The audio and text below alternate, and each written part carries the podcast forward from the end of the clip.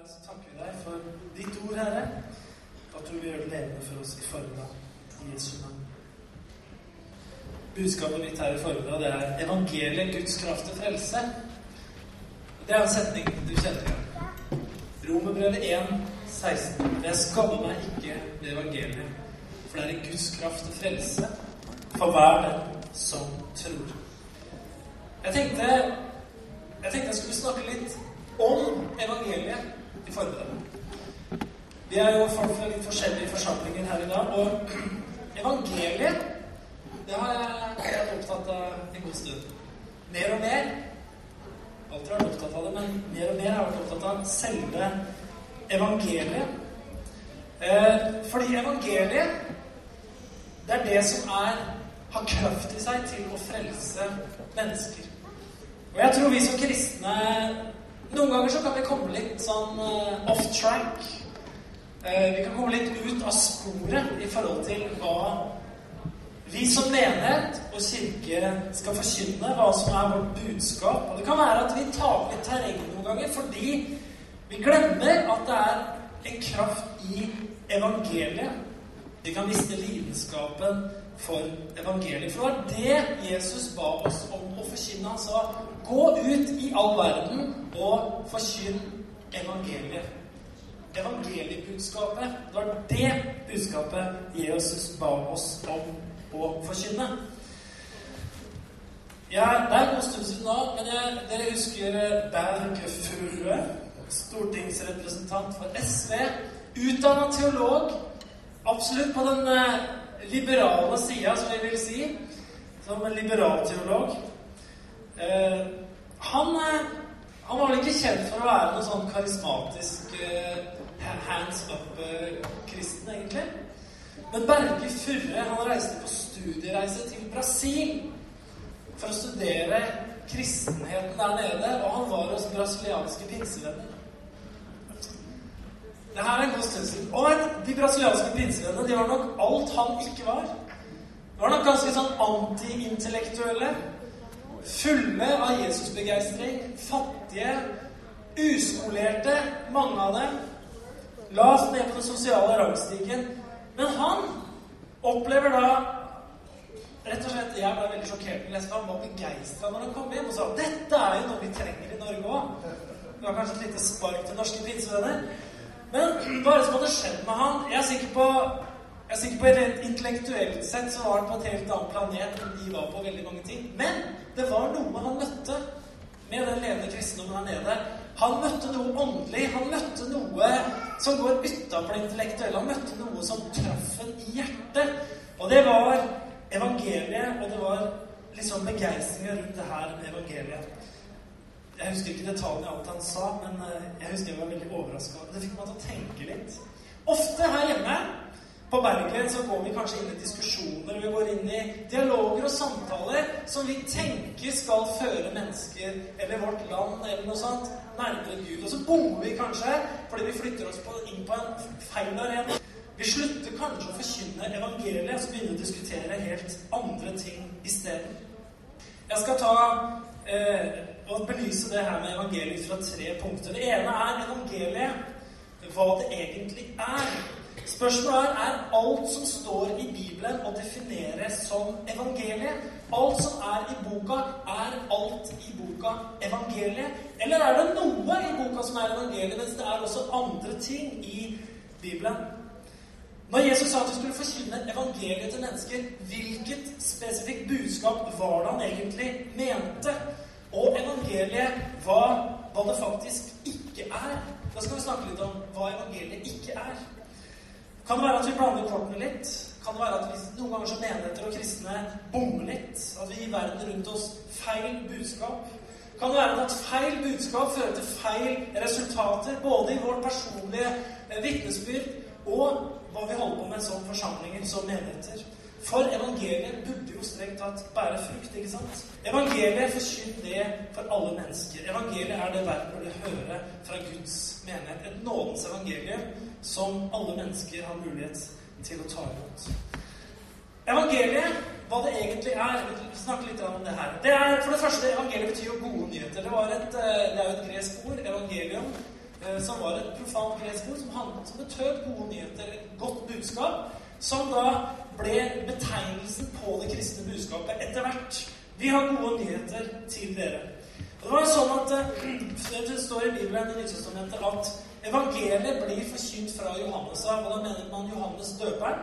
Fra Johannes døperen av så ble evangeliet forkynt. Han begynte å forkynne de gode nyhetene. Og det han sa, det var at, at det kommer en Se Guds lam, han som bærer verdens synd.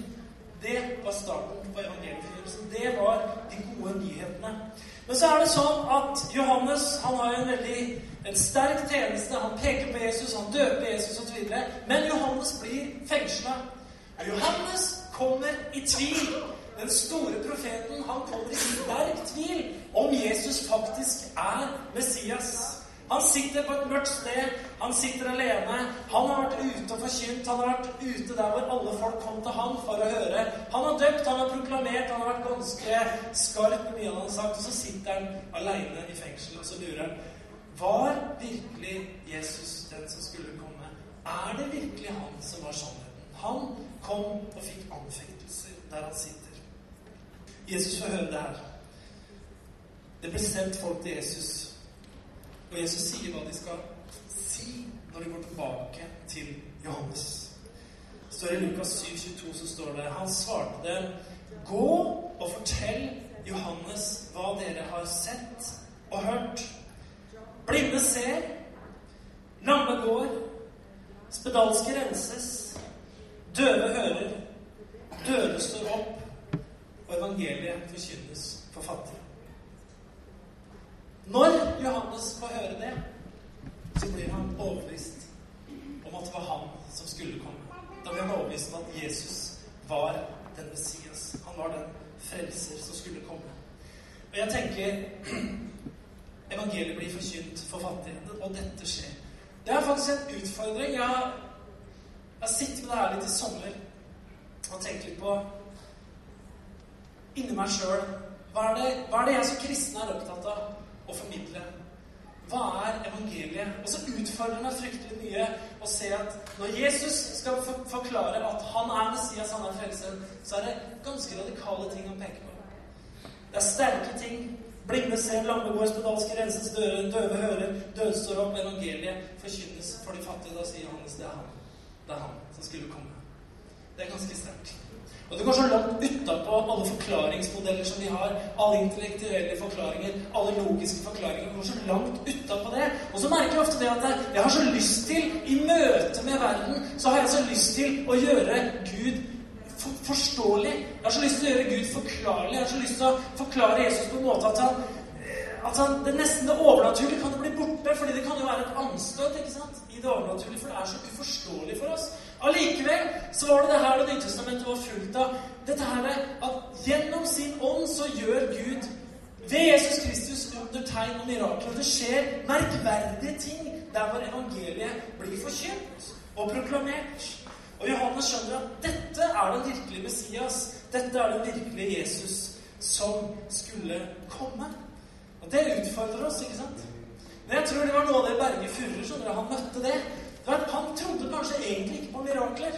Han trodde kanskje egentlig at uh, tungetallet var massesuggesjon osv. Men når han møtte de brasilianske pinsevennene, så er det noe som treffer ham. Noe åndelig som han ikke kanskje helt kan forklare, men som griper hjertet hans.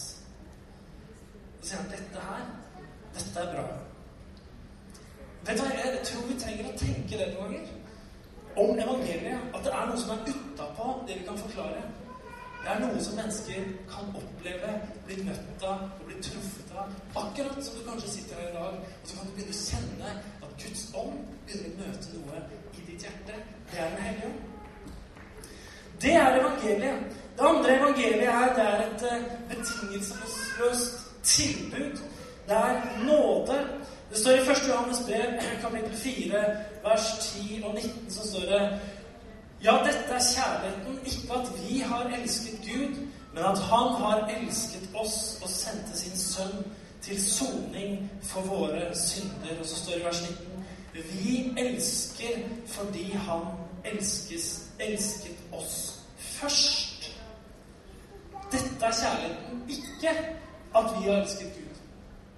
men at han har elsket oss og sendt sin sønn for oss. Evangeliet det handler jo da ikke om hva mennesker skal eller kan gjøre for Gud, men hva Gud kan gjøre for mennesket. Nådens evangelium har to parter. Det ene er Gud, og den andre er menneskeheten.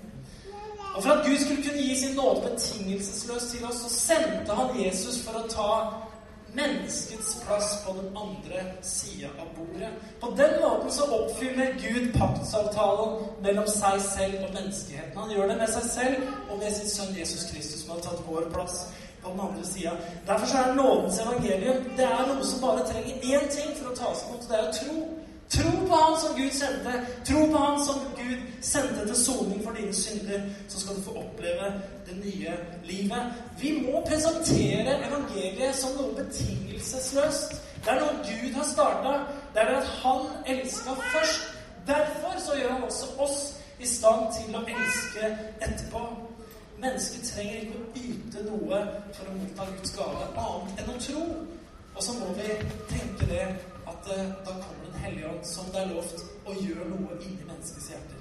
Det tror jeg er et, eh, et, ganske enkelt budskap. Ofte så kan man snakke med mennesker og begynne å snakke om tro, så kan man begynne å diskutere mange ting.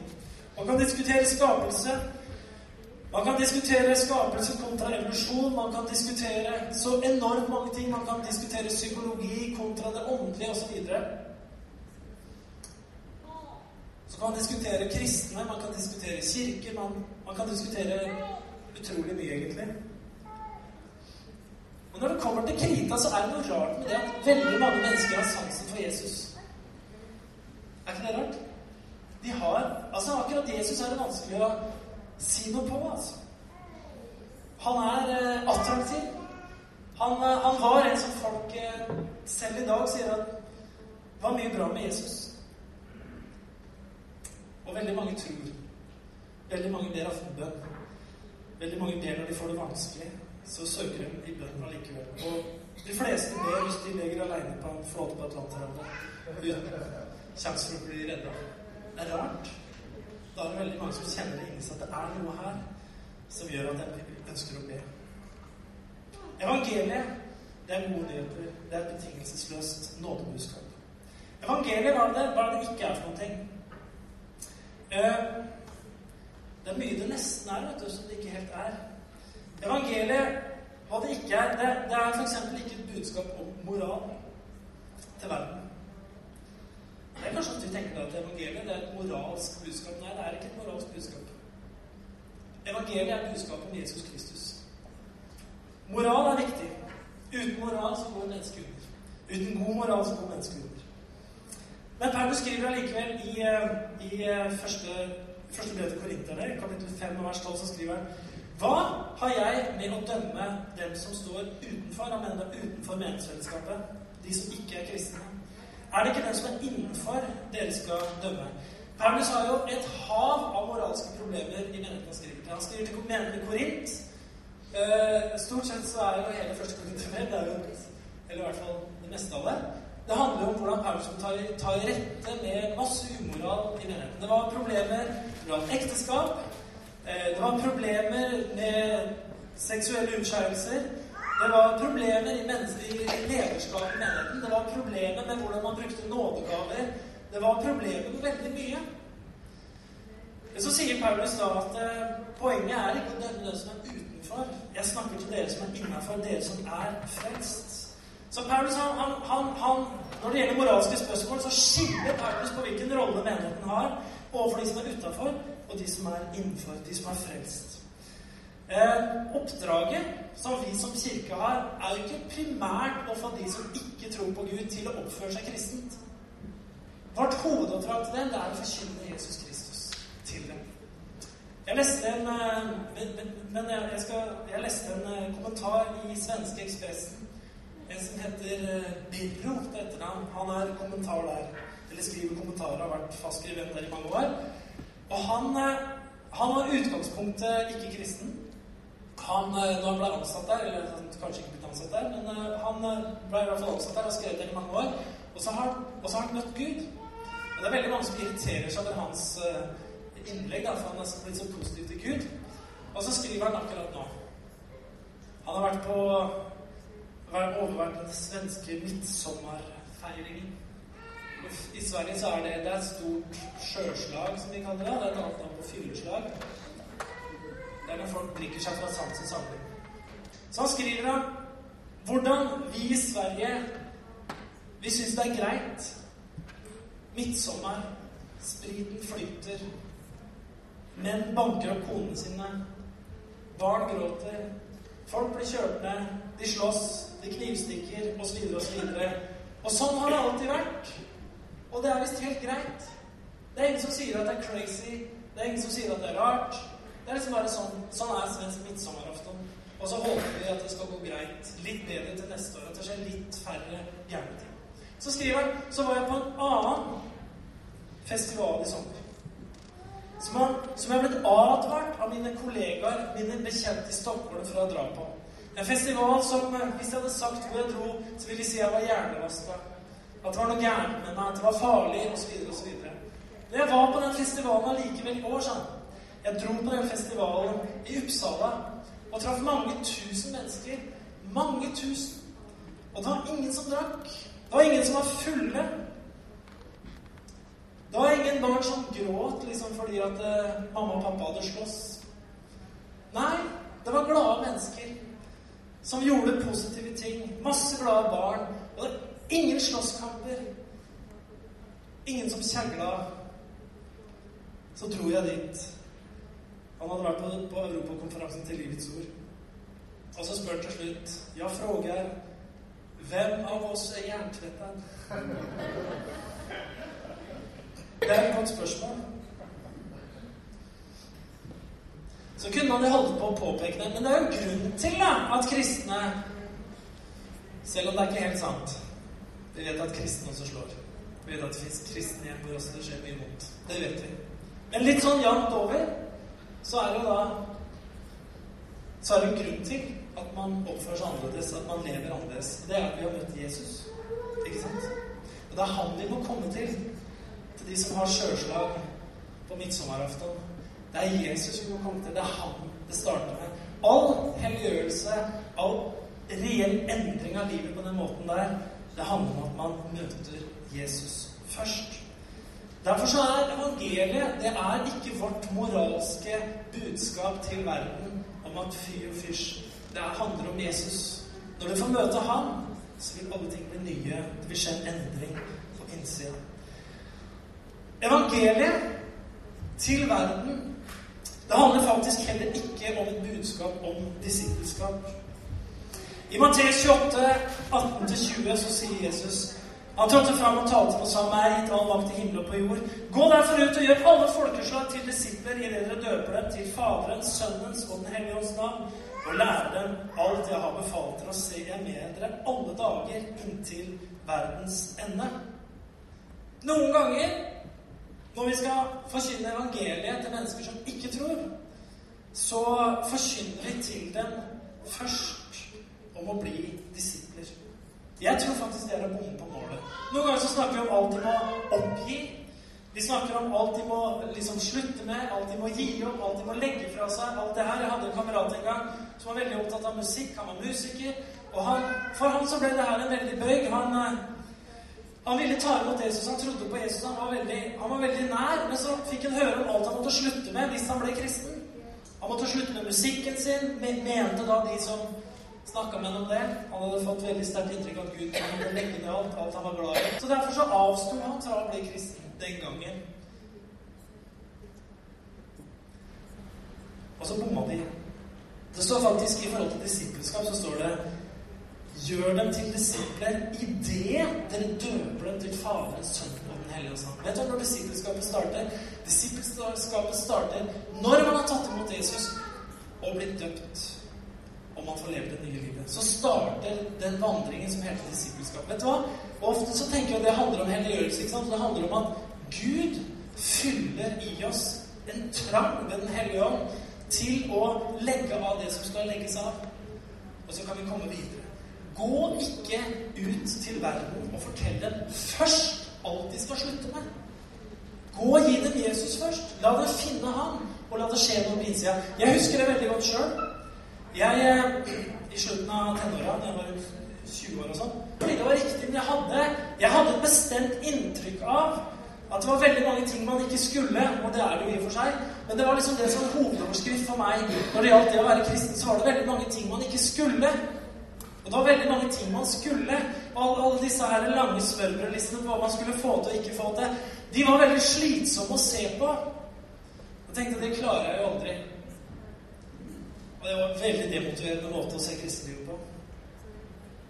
Og så var det en uvilje i meg til å overgi noen ting som helst til Gud. Selvfølgelig. Men så skjedde det. I de dager at jeg møtte Jesus, så kom han og møtte meg.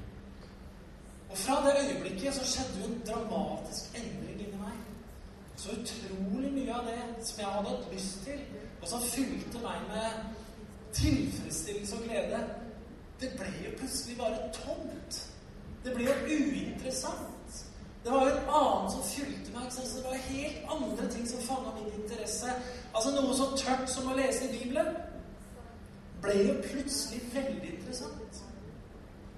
Noe så uhorvelig, uttørkende kjedelig som å be ble jo plutselig spennende.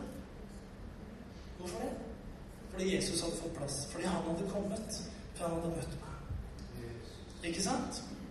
Det handler om at disippelskap, det starter etter vi har møtt ham. Vet, først, når Jesus kalte disipler, er veldig enkelt det er, veldig enkel teologi. Når Jesus var ute så skulle han kalle disipler. Så var det jo ikke sånn at han uh, satte inn en annonse i Jerusalem Times. Disipler søkes. Kom på intervju, ikke sant? Så satt Jesus og venta. Søkeren må oppfylle følgende kriterier. Han må være Plettfri på alle mulige måter, selvfølgelig. Moralsk høyaktverdig osv. osv. Uten feil og mangler. Høy motivasjonsfaktor. God predikant. Brennende. Være villig til å stå på dag og natt. Være villig til å dø om noen få år. Kom og søk. Jesus gjorde det jo ikke sånn. Det var ikke sånn han starta disippelskap. Det er Jesus. Han gikk ut. Og så traff han noen i en fiskebåt. Og så traff han noen på en tollstasjon og sa 'Følg meg'. Hei, følg meg, så skal jeg gjøre deg til menneskefisk. Han søkte dem opp. Han kom til dem. Han tok dem med, og så ga de respons. Vet du, sånn er det mennesker i dag. Jesus må få lov å komme til folk og si hei. Her er jeg. Vil du følge meg? Jeg har kommet til deg. Jeg har søkt opp deg for at du skal følge til meg. Og så startet disippelskapet. Derfor så bommer vi. Vi bommer med budskapet vårt hvis vi, hvis vi setter inn sånne type annonser overfor verden. At skal du bli kristen, skal du bli disippel, så har vi en liste her til deg. Ganske lang også. Varierer litt fra forskjellige trossamfunn. Du kan velge litt. Det er litt vanskeligere der enn der, osv. Men uh, sånn kan det være. Uh, og noen mener de har bedre disipler enn andre, for de har lengre liste ikke sant, enn andre. og sånn. Men det er noe sånn. Så det starter ikke der. Det starter med at Jesus finner mennesker. Det er han vi må forkynne. Så kommer disippelskapet etterpå. Amen. Evangeliet er da ikke et budskap til verden om moral, først og fremst. Det er ikke et budskap til verden om disippelskap. Det er ikke først og fremst heller et budskap om et politisk ståsted. Eh, det står i eh, Paulus skriver i Romerne 13 Der står det som følger at styresmaktene er en Guds tjener til det beste for deg. Eh, det er litt vanskelig å forstå noen ganger for noen av oss. Spørs liksom hvor du er på det politiske kartet. Eh, det er jo enkelte Vi mener jo noen ganger, vi kristne, at eh, det er enkelte ganger, hvis vi har riktig statsminister og riktig parti, da er styresmaktene en velsignelse for oss. De, de, de er tjener til vårt beste. Halleluja. Kjell Magne Bondevik. Amen.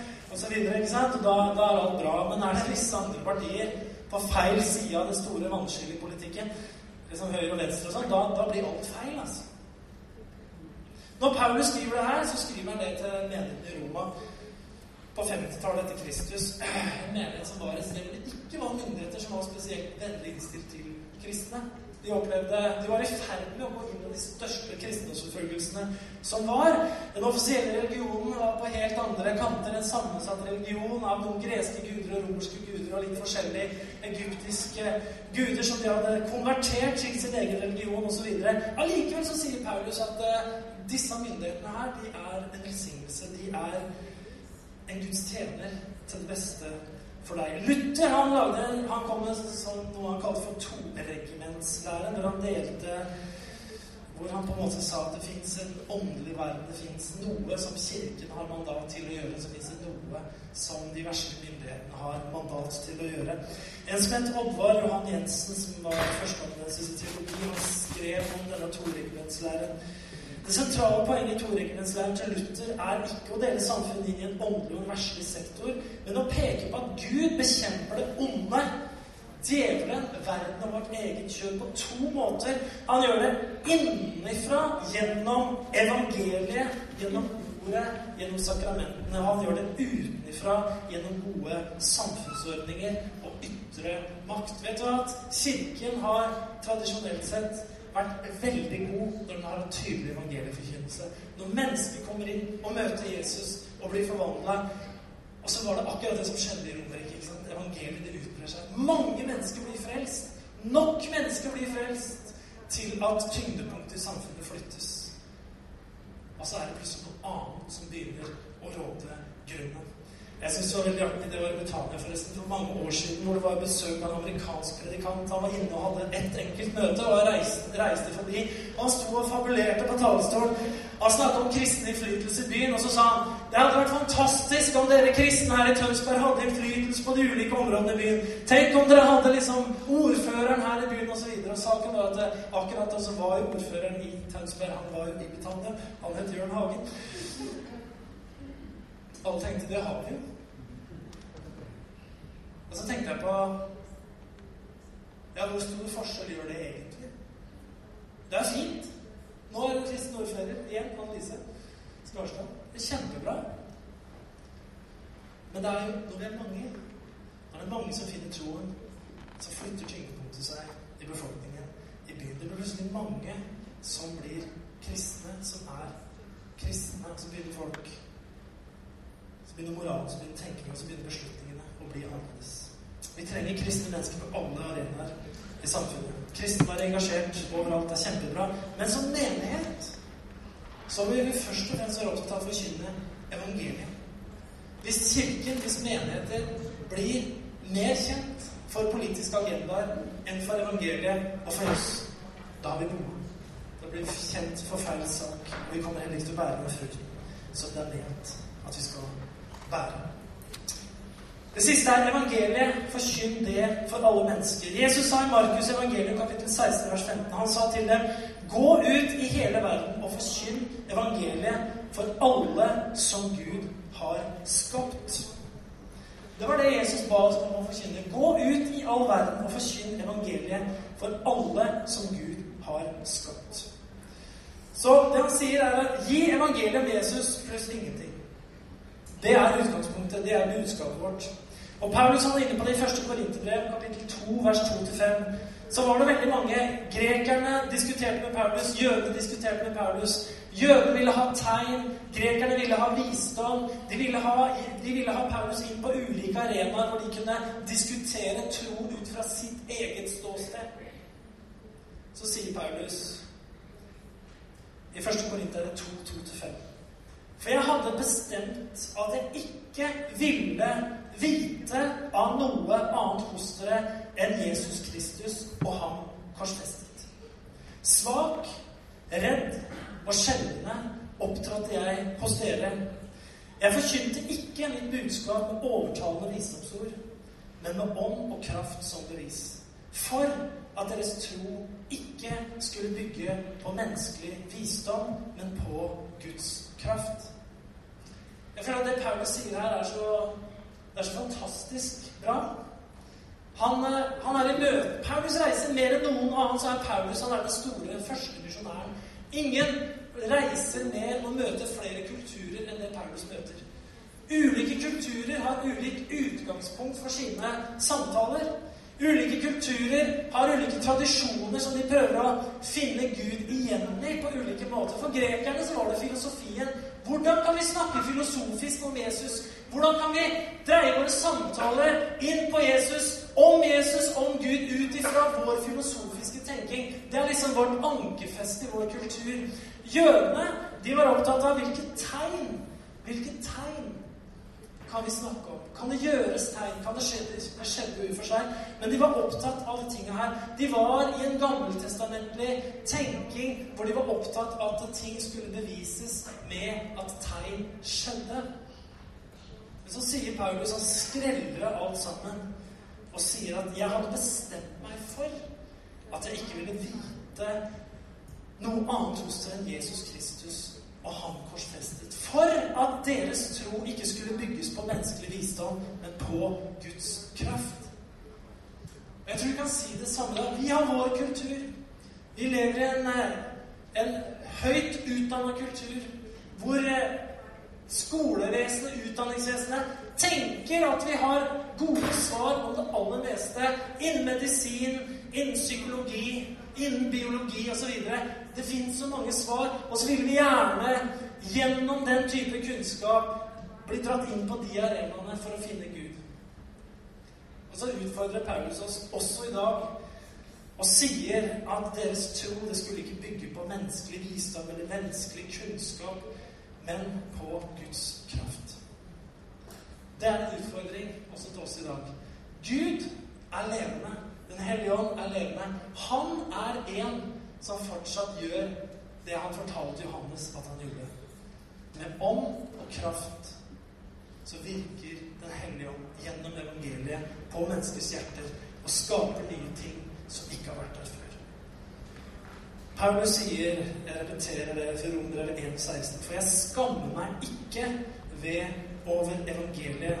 Det er en Guds kraft til frelse for hver den som tror. Jøde først, og så greker. Evangeliet, dere Du kan ta med deg det i dag. Sentralisere det her inn i trossystemet ditt. Det er evangeliet. Det er det vi skal forkynne. Det er Han, det er Jesus Kristus, det er Han vi skal dele. Og så må vi, må vi åpne oss, dere kjære velutdanna intellektuelle nordmenn. Jeg tror vi må i enda større grad bare åpne oss for den dimensjonen som er åndelig. Hvor Gud er. Hvor Gud er unik. Hvor Gud er annerledes. Hvor Gud fyller oss på en måte som vi ikke alltid kan forstå. Amen. Kanskje du sitter her i formiddag. Du er kristen. Kanskje du har trodd i mange år. Du har lest din bibel. Du kan dine saker. Og så tenker vi Så sitter du kanskje med situasjonen i livet ditt. Kanskje som er vanskelig, kanskje som føles uløselig. Og så lever du kanskje så lever, og jeg kan si vi, så lever kanskje en sånn blanding av tro på Gud. Og så sitter vi samtidig med alt vi har lært oss. Alle svarene vi har lært oss i vår kultur. Gjennom vår utdannelse. Gjennom alt det vi hører fra andre kanaler hele tida. Kanaler som ikke har noe med Gud å gjøre. Hvor, hvor, hvor problemene våre er, kan være uløselige. Hvor det er vanskeligheter. Hvor det er ting som som menneskelig sett ikke det kan gjøres noe med. Eller hvor det er en lang vei fram. En av disse forholdsvis fine sommerkveldene satt vi hjemme. Et par gående forbi veien der vi bor. Ropte på dem. Og de kom inn, og vi ble sittende utover. Denne mannen han, han hadde fått dødsdom for et år siden. Han hadde fått beskjed av legene for ett år siden om at han hadde tre måneder igjen å leve. Seriøst. Alvorlig diagnose. I dag så er han helt frisk. Diagnosen var delvis feil, som han fikk for et år siden. Men han var allikevel veldig alvorlig syk. Har opplevd helbredelse. Skikkelig på kroppen. Og få sett døden i hvitøyet. En mann med mange barn. Stor familie. Godt utdanna. Kan mye. Eh, og i en sånn situasjon så, så hjelper det liksom ikke hva du kan. Det er slutt. Det er over. Da er det bare ett sted du kan gå hvor det fins håp, og det er hos Jesus. Det er å be til Gud. Og så, og så skjer det uforklarlige. At man blir frisk. Det er sterkt. Det feiler som alltid sier. Du vet, det, kan, det, er godt, det er godt å høre sånne vitnesbyrd. Det kan være at du sitter der i dag med en situasjon i livet ditt. Og så må du huske at evangeliet, det er Guds kraft til frelse. Evangeliet er sterke saker. Det er åndelig. Gud kan gå inn og røre ting i kroppen din, i situasjonen rundt deg, i økonomien din, i relasjoner. Det fins fantastiske historier i livet om akkurat det her. Amen. Det er det troen handler om. Jeg tror på evangeliet. Herre Jesus Kristus, vi takker deg for at du kom. Takk for du kom ned fra himmelen, Herre, og blei et menneske akkurat som oss. Takk, takk, Herre, for at du satte deg på vår side av bordet, Herre, overfor Gud. Takk for at du satte deg sammen med oss, Herre. Takk for at du representerte oss. Takk, Herre Jesus, at du tok all synd, all straff, alle syndens konsekvenser på deg når du gikk på korset, Herre. For at vi skulle få lov å komme til Gud. For at vi skulle erfare at det fins himmel, et himmelrike som ikke er av denne jorda her. Det fins en kraft, det fins en virkelighet som er åndelig, som ikke har med materie å gjøre, men som kommer til oss gjennom Den hellige ånd. Og takk, Herre Far i himmelen, for at du er her hos oss akkurat nå, Herre. Og takk for din kraft, den er her, Herre, i evangeliet. Vi priser deg, Far i himmelen. Og Herre, du ser noen mennesker her denne formiddagen som sitter i vanskelige situasjoner. Så kanskje de sitter i økonomiske situasjoner her. Kanskje de sitter i helsemessige situasjoner. Relasjonelle situasjoner. Jobbsituasjoner. Herre, hva det enn er. Kanskje de har gitt opp å be den bønnen opp til deg, Herre. Tenker at det er ikke noe å hente. Men takk, Herre, at det er noe å hente. Takk at du hører våre bønner akkurat nå, far. I Jesu Kristi mektige navn. Halleluja, halleluja. Jeg tror lovsangsteam skal komme opp. Jeg skal ta noen minutter eh, innenfor Gud her. Takk, Jesus Kristus. Jeg syns vi kan ta oss og reise oss opp.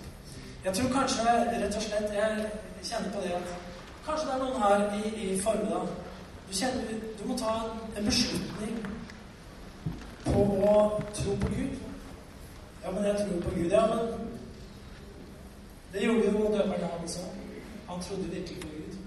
Jeg tror ikke det var det at han var ikke det at han slutta å tro på Gud. Han satt i fengsel, da han satt i fengsel så kom det veldig, veldig sterk tvil om akkurat han, i den situasjonen han var i, hadde treffet riktig. Og han var på sporet. Så fikk han høre rapportene, og så skjønte han at jeg er på sporet. Hvis alle lukker øynene sine bare bitte litt Så jeg har lyst til å be en bønn. Det er liksom, du hvis du er her i formiddag som er i en situasjon hvor du har egentlig gitt opp Gud, så husk at Gud har ikke gitt opp deg. Hvis du er her som ønsker å si Gud, jeg ønsker å tro på deg på nytt i min situasjon akkurat nå. Hvis du er her sånn, ta rekk opp hånda di, så skal vi be en bønn sammen. Gud velsigne deg. Herre, jeg takker deg. Takker deg for at vi akkurat nå der vi står, kan overgi alle ting til deg. Vi kan overgi vårt indre liv til deg, Herre. Om tvil og tro. Vi kan overgi alle situasjoner i livet vårt til deg akkurat nå. Herre. Herre, takk for at vi kan vende oss til deg, be til deg, og vite at du er den som er der, som svarer.